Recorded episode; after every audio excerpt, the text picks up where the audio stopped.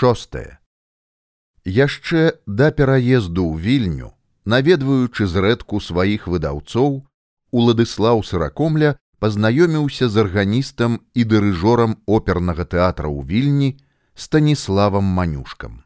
А задоўга да гэтага знаходзячыся ў мінску у 1834 годзе пабачыў на сцэне свайго канторскага служачага спектакль пастаўлены аматарамі тэатраламі. Праз сем гадоў у гародні і праз два ў мінску паглядзеў латарэю.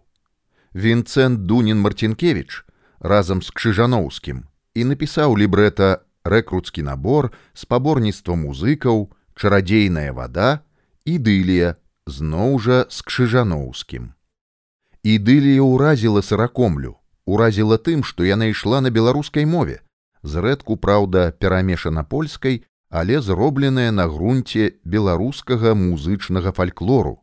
Усё гэта мела неацэннае багацце для беларускай нацыянальнай культуры. Не сустракаючыся непасрэдна з кампазітарам уладыслаў сыракомля пранікся да яго глыбокай павагай цаніў у ім музыканта высокага ўзроўню. Нарадзіўшыся ў фальварку убель пад чэрвенем ён увабраў у сябе ўсё хараство беларускіх палёў і дубраў, дабрыню і мудрасць вяскоўцаў, іх непаўторныя песні, фальклор, паданні і гераічныя гісторыі мінулых паўстанцкіх гадоў. Упершыню пазнаёміўшыся, яны адразу адчулі прыязнасць адзін да аднаго. Потым сыракомля будзе захапляцца яго педагагічнай і выхаваўчай дзейнасцю, здзіўляцца, як у яго хапала часу на сяброў, на дапамогу таленавітым музыкам. Усё сваё жыццё станіслаў манюшка падтрымліваў самыя цесныя сувязі з беларускімі музыкантамі. Як мог дапамагаў ім. Каб падтрымаць талент, ён дасылаў іх творы ўплывовым музыкантам.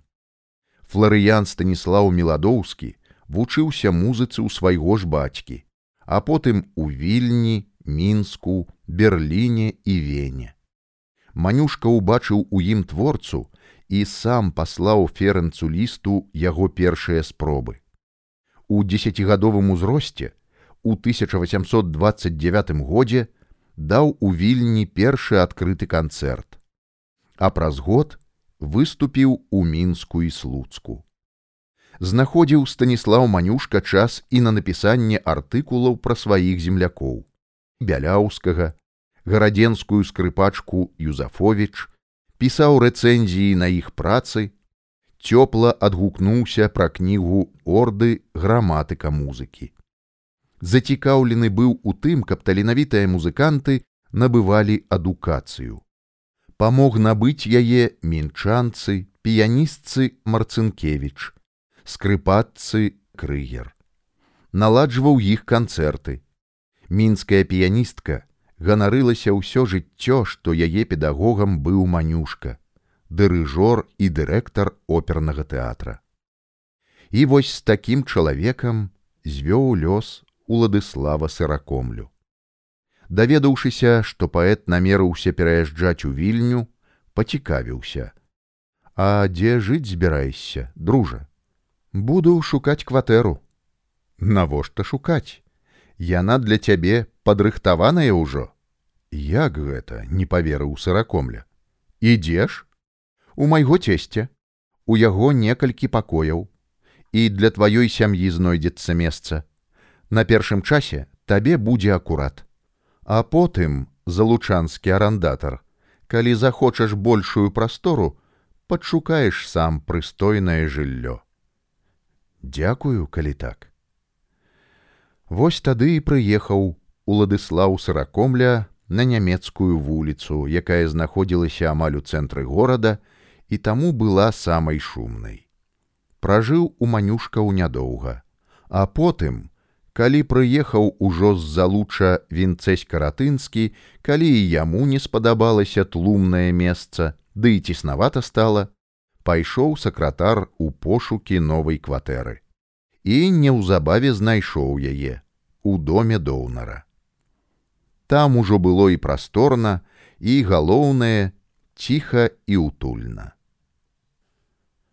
Больш як месяц прайшло з таго часу, як пан ежы з кавалькадай загорскага ездзіў у берштаны, а пасля цёмнай ноччу з ляснічым імчаў да яго сядзібы і потым да вільні. Ежы удзельнічаў у з'ездах, браў актыўны ўдзел у абмеркаванні самых розных пытанняў, пачынаючы ад крэдытных, сельскагаспадарчых да гандлёвых, вельмі неабходных, як лічылі многія для ўстаноў краю. Амаль у кожнай вёсцы ствараліся школы для сялянскіх дзяцей. Пачалася асветніцкая праца. Настаўнікі даводзілі хлопчыкам дзяўчатам, што ў іх ёсць радзіма, што яе павінны любіць і не толькі любіць, а і рабіць усё, каб яна мацнела, прыгажэла, а людзі павінны быць вольнымі і шчаслівымі. Вяліся гаворкі і пра паўстанне, якое павінна неўзабаве ўспыхнуць, казалі, хто павінен у гэтым удзельнічаць. Але ежы быў перакананы, што ўсё тое не робіцца адразу, патрэбен час, А яшчэ ж не загоіліся раны і крыўды прыгонных і памешчыкаў, паміж імі вялікі роў. Бачна, што людзі, слухаючы агітацыйныя прамовы, аніяк не рэагавалі на іх. Дзяцей у школы пасылалі неахвотна. Ежы яшчэ больш зблізіўся з залескім. Іх стасункі перараслі ў дружбу. Маглі нечакана прыехаць адзін да аднаго і потым адправіцца падарожнічаць за нёман маглі начаваць у лесе, распаліўшы касцёр, спаць каля яго амаль на голай зямлі. На тых прывалах прыемна было гаварыць, спрачацца, адстойваць свае погляды, але дыспуты праходзілі спакойна і добразычліва. І ў адну з такіх начовак ежы дастаў са скураной сумкі папку з паперамі, адшукаў у ёй адну і падаў Антонію. Почытай братка хачу ведаць твае адносіны да тэксту. Что гэта? Зварот рэвалюцыйнага камітэта да люду нашага краю залезкі ўпіўся вачыма ў тэкст. Прачытаўшы выдыхнуў з сябе паветра як быццам нёс перад гэтым на сваіх плячах цяжкую ножку толькі потым паглядзеў на субяседніка як гэта здорава ежы як гэта разумна. Ежы нават здзівіўся рэакцыі Антонія Залескага, не чакаў ад яго такой зацікаўленасці і адабрэння. Ты ўваходзіш у гэты камітэт? Так, і моя задача далучаць як найбольш людзей да рэвалюцыйнай справы. І мне можна. Ён павярнуўся да ежы, але твару яго амаль не бачыў бо агонь згасаў і толькі жоўтыя сполахі скакалі па грудях і шыі. Недзе ў кустах пракігікала начная птушка. У нёмане баўтануў пляскатым хвастом лянівы сом ці шчупак. Можна, Антоній. Тады я ўсёй душой з вами. Цудоўна. Даўно хацеў падключыцца, да сапраўднай працы. У душы ежы не падзяляў пафасу Антонія Залескага, чакаў, што ён не так горача аднясецца да звароту. А сам ты верыш у перамогу, шаноўны мой сусед, папытаў Антоній. Ежы нейкі момант маўчаў, папраўляючы галавешкі ў касцярку. Веру, братка, але толькі пра адной умове Пры якой? Калі рэвалюцыйная арганізацыя будзе строга прытрымлівацца той першай праграмы, якая намячала выкарыстанне ўсіх сродкаў, перш чым наш рух дойдзе да прамой барацьбы. І нам трэба будзе адстойваць прынцыпы той праграмы, патрабаваць, каб яна выконвалася бездакорна. Ад каго патрабаваць? Ад тых, хто захоча збочыць, выбраць больш лягчэйшую, таму і паразную дарогу. А такія знойдуцца. Так, ён верыў у самаахвярнасць, у апантаную гатоўнасць уступіць у актыўную барацьбу тых, хто ўзначаліў рэвалюцыйны рух, сам гатоў быў узяць удзел. Але але нейкае ўнутранае супярэчлівае пачуццё падказвала яму, што падчас барацьбы, пасля, не дай бог паразы, гэтая адданасць пройдзе, ахалоне, і ўсё вернецца на кругі свае. У ім жылі два чалавекі, і два чалавекі змагаліся паміж сабой. І невядома, хто з іх мацнейшы, больш духоўна ўстойлівы і загартаваны. Ведаў, што адзін можа быць здраднікам, пахіснуцца пад цяжарам нечаканых абставінаў і таму нічога з сабой парабіць не мог. Баяўся нават у голас выказваць такія сумневы, бо разумеў: Людзі, якія гатовы ахвяраваць сваім жыццём, гэта людзі святыя і магутныя асобы, бо яны кіруюцца ў сваім жыцці толькі шляхам праўды і веры ў святую справу. Ці ёсць у ім такая вера і апантанасць. Антоній больш ні пра што не пытаўся, маўчаў паклаў на чырвоныя галавешкі некалькі сухіх галінак, і яны адразу загарэліся, успыхнулі, асвяціўшы твары дваіх начлежнікаў, што задумліва глядзелі на полымя касцярка. Праз колькі дзён яны разам вярнуліся ў вільню. Кожны з іх атрымаў выклік для ўдзелу ў вялікім пасяджэнні рэвалюцыйнага камітэта, бо выкліканыя былі прадстаўнікі іншых ваяводстваў. Зацвердзілі парадак дня, у якім адным з пунктаў належала абмеркаваць свае адносіны да рэвалюцыйнага камітэта, створанага ў варшаве. Пасяджэнне праходзіла ў доме даўкшы на дамініканскай вуліцы, і ішло яно бурна і таму зацягнулася на некалькі дзён.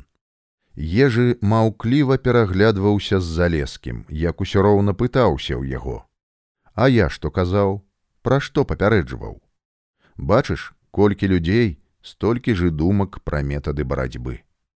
У адказ Антоній, разумеючы яго, ледзь прыкметна хітаў галавой.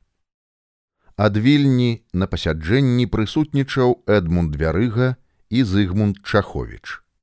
Антоній Залескі і ежы ігнацый кучэўскі порай прадстаўлялі віленскае ваяводства. Канстантин каліноўскі і заблоцкі былі прадстаўнікамі гарадзенскага ваяводства.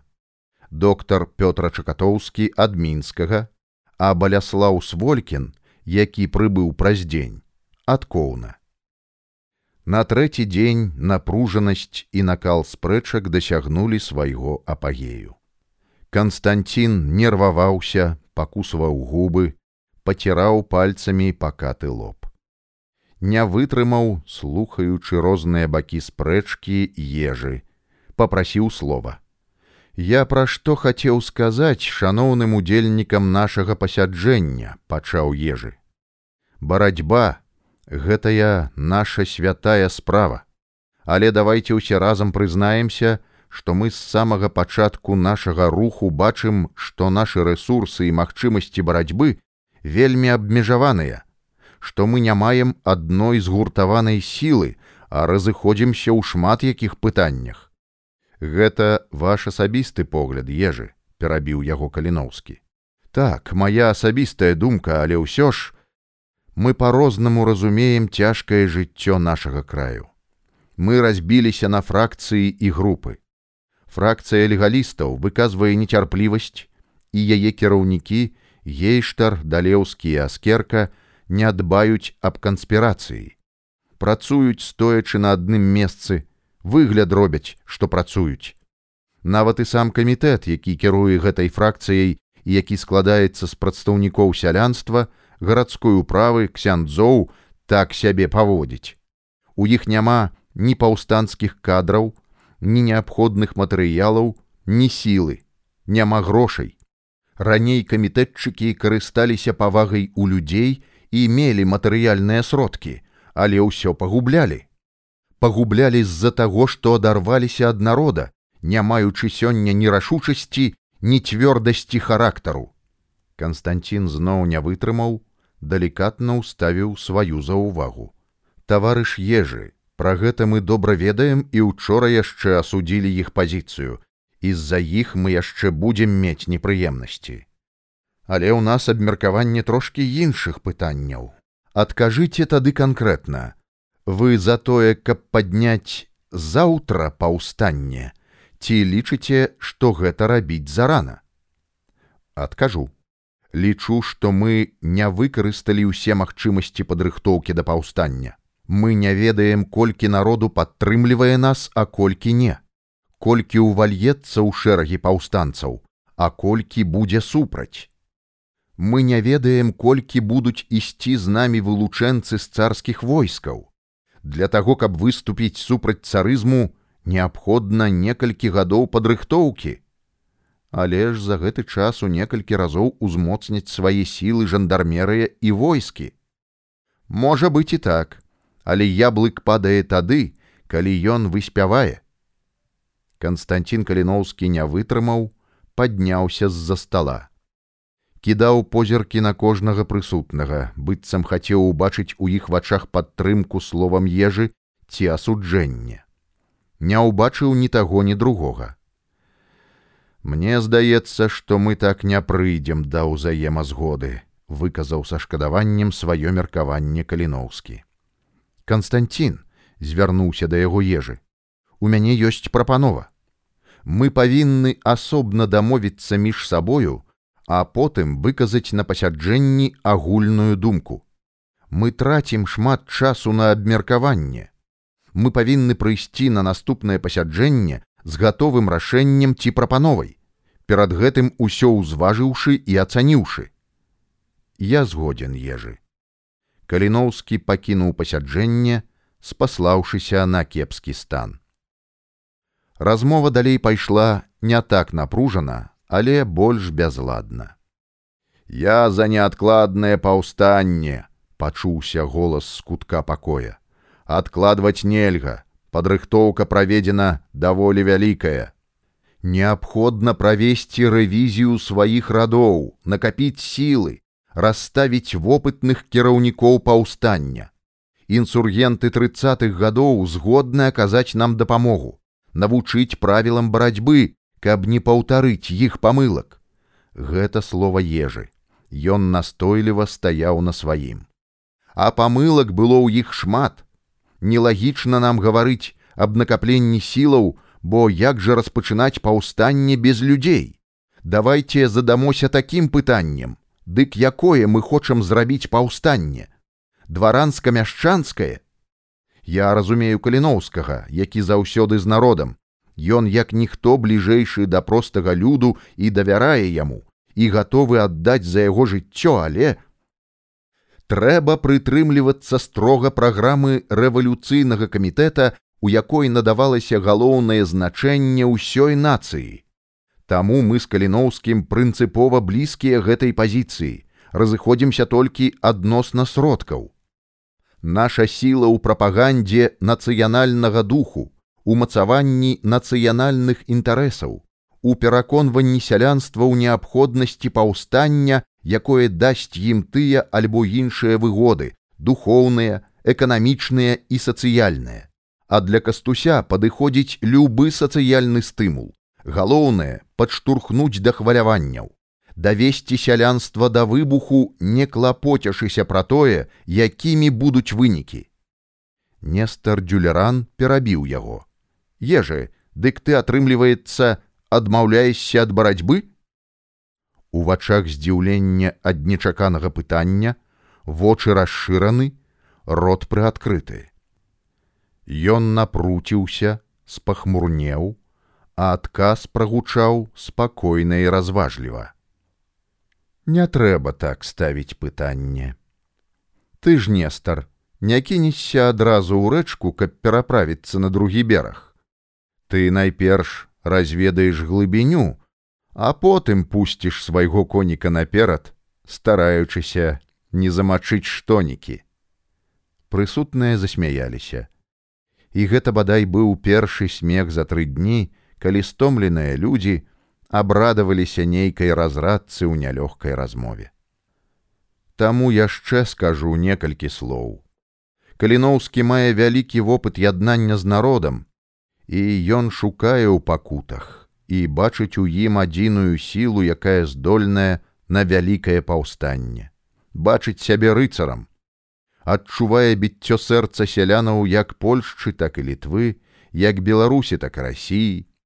Для гэтага ён і пачаў выдаваць мужыцкую праўду на сялянскай ці мужыцкай мове.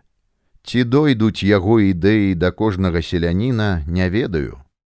Яшчэ паўтараю я рашуча стаю на прынцыпах той працы, якая намечана праграмай, і таму вельмі няправільна мы зробім, калі парвём з тым кірункам, які быў вызначаны і зацверджаны, і для ажыццяўлення якога, на вялікі жаль, не зроблена ніводнага кроку. Калі ж ідэя праграмы барацьба за незалежнасць агульнымі сіламі, то патрэбна, каб увесь паўтараю, увесь народ, не толькі пранікся гэтай ідэяй, а і поверыў у свае сілы, поверыў і перамог. Вось такія мае думкі, панове таварышы. Усталявалася маўчанне. Больш ніхто не захацеў браць слова. Нестар Дюлеран, узяўшы на сябе часовае кіраўніцтва пасяджэннем, прапанаваў: « На сёння можа і ўсё, таварышы продолжим завтра. Эдмунд вярыга амаль аднагодак Канстанціна каліноўскага. Высокага росту, чорныя валасы, зачасаныя ўверх, на твары бледнаватасць ад рэдкіх сустрэч з промнямі сонца. Як і кастусь вучыўся ў пецярбургскім універсітэце, заўсёды, як прыходзіў на пасяджэнне, напускаў на сябе задумлівы выгляд. А я думаю на гэты конт вось так, павольна расстаўляючы словы, вымаўляючы іх як бы праз нос і на паўголаса, надаючы сабе большую вагу і аўтарытэт, пачаў Эдмунд на наступны дзень сваю прамову. Трошкі інакш, чым ежы. Ёсць, ёсць рацыя ў яго словах бясспрэчна, але ежы жыве ў вёсцы сярод сялянаў я ж чалавек горада, і таму мае думкі такія. Сяляне, аб'яднаўшыся са шляхтай, з'яўляюцца магутнай сілай у справе паўстання. Толькі неабходна іх узброіць, апрануць, мець сродкі для закупкі амуніцыі і правіянту. Антоній Залескі выкінуў руку напераду бок Эдмунда. Залатыя словы кажа вярыга. Я, як шляхціц, веру горача ў тое, што шляхта прыме самы актыўны і магутны ўдзел у паўстанні. Я сустракаўся не раз са слаўнымі прадстаўнікамі гэтага саслоўя, гаварыў з імі, пытаўся канкрэтна, ці ўвальюцца яны ў рады паўстанцаў, аднадушна адказалі: гатовыя ўзяць удзел. Каліноўскі выглядаў больш весела, не паціраў скроні, не выказваўся рэзка супраць тых, хто не падзяляў агульнай думкі. Не было рэзкіх выказванняў і з боку выступоўцаў. Значыць, перад гэтым прыйшлі да нейкай узаемазгоды. Нават калі Зыгмунд Чахович адстойваў свой погляд на паўстанне, Каліноўскі маўчаў, даслухоўваў да канца. Я чамусьці не веру ў якое-небудзь кіраўніцтва ці рэвалюцыйную працу, заснаваную на праграме, выказваўся ён. Тут усё залежыць ад сляпога выпадку, як сыдуцца зоркі на небе, як Марс ці Юпітер паглядзяць на справу нашага закалота. Цікава, ціха прамовіў Антоній Залескі. Сябры мае, мы знаходзімся з вами ў маленечкім чоўне, а вакол нас бушуе бура, ураган. І каб выстаяць, не паддацца выбуху стыхіі, мы павінны ўчапіцца адзін у аднаго і тым самым перамагчы, не даць ветру зламаць ветразі нашага карабля і даплыць да берага. А мы з вами раз'яднаныя і ніяк не можам падставіць адзін аднаму плячо. Мой заклік давайте зробім рашучы крок насустрач самім сабе, забудзем пра рознагалоссі і крыўды. Крыўдна будзе, калі мы не аб'яднаемся. Дык якія будуць высновы таварышы наконт паўстання, паставіў Канстантин пытанне рубам. Выказвайцеся коротко і па чарзе, а потым будзем галасаваць. Узмацніць прапаганду, каб ідэямі рэвалюцыі прапітаць грамадскі слой, і не пачынаць паўстання да тае пары, пакуль прапаганда не дасць чаканага выніку. Я за ўсе пункты праграмы і першага закліку. Добра ежы, што скажа дюлеран? Нестар павольна падняўся з канапы.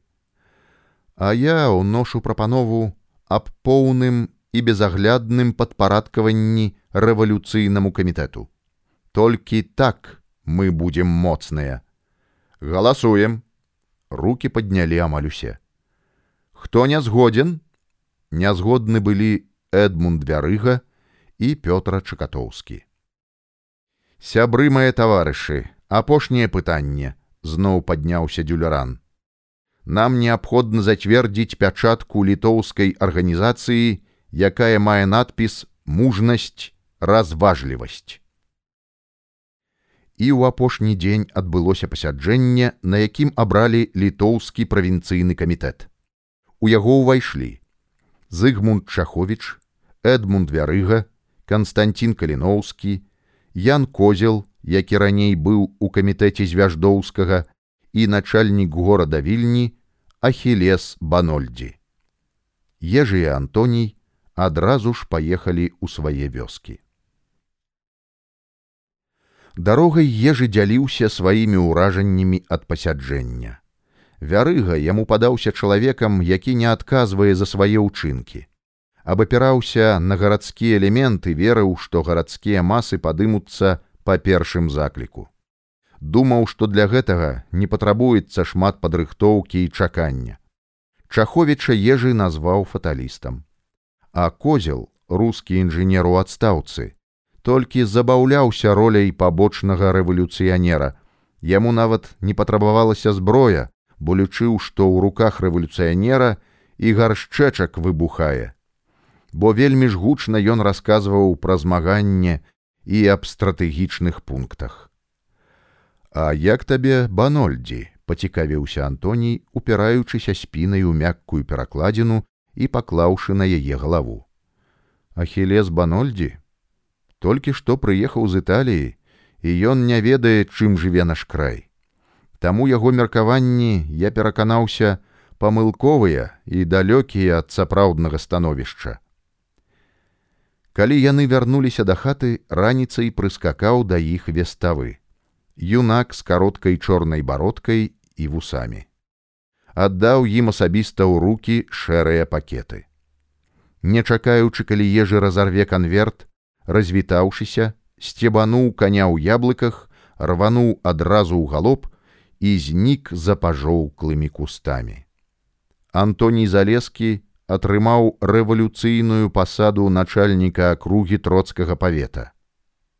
А ежы ігнацый стаў памочнікам ваяводскага, хаця, як ён ведаў, ваяводы як такога яшчэ не было.